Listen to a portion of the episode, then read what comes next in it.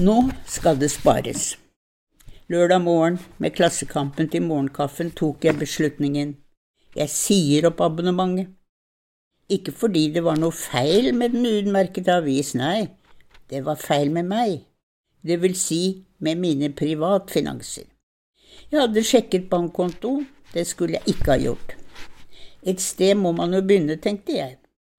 Jeg får utgiftene til å trekke til, men inntektene derimot Januar er ikke bare kald og mørk og evig lang, men inntektene, de kommer jo aldri inn på konto. Jeg var bekymret, jeg måtte se på forbruket mitt. Så var det jo også det med Klassekampen på lørdag, og med meg. Jeg hadde bare lest sidene med kulturstoff. Altså mesteparten hadde jeg ikke hatt kondisjon til å komme meg gjennom. Jeg vet at å legge avisen til side for å ta fatt på lange og gode utredninger om utenriksstoff, det blir det jo aldri noe av. Nettavisene gjør oss til rastløse forbrukere av nyhetsstoff.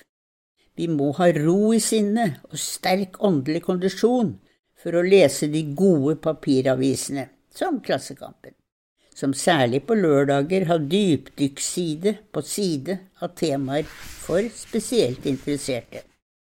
Jeg tok telefonen til Klassekampens kundeservice og traff på en hyggelig voksen kvinne. Jeg presenterte meg og fikk jublende mottagelse. Jeg har hatt et langt og egenartet forhold til avisen. Siden jeg var profilert høyredame og også kinodirektør, ble det litt stas med meg. Jeg ble en slags utbrettspike, ble med på salgskampanjer og ble også med på julekalenderen. Jeg mente hva jeg solgte.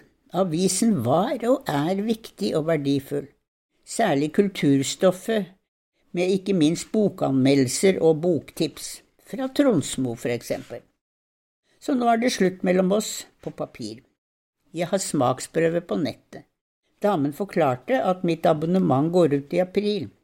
Vi ble enige om at i april var det vår og vi hadde blitt rikere, kanskje, og da skulle jeg bare ringe tilbake. På handlerunden i dag tok jeg grep.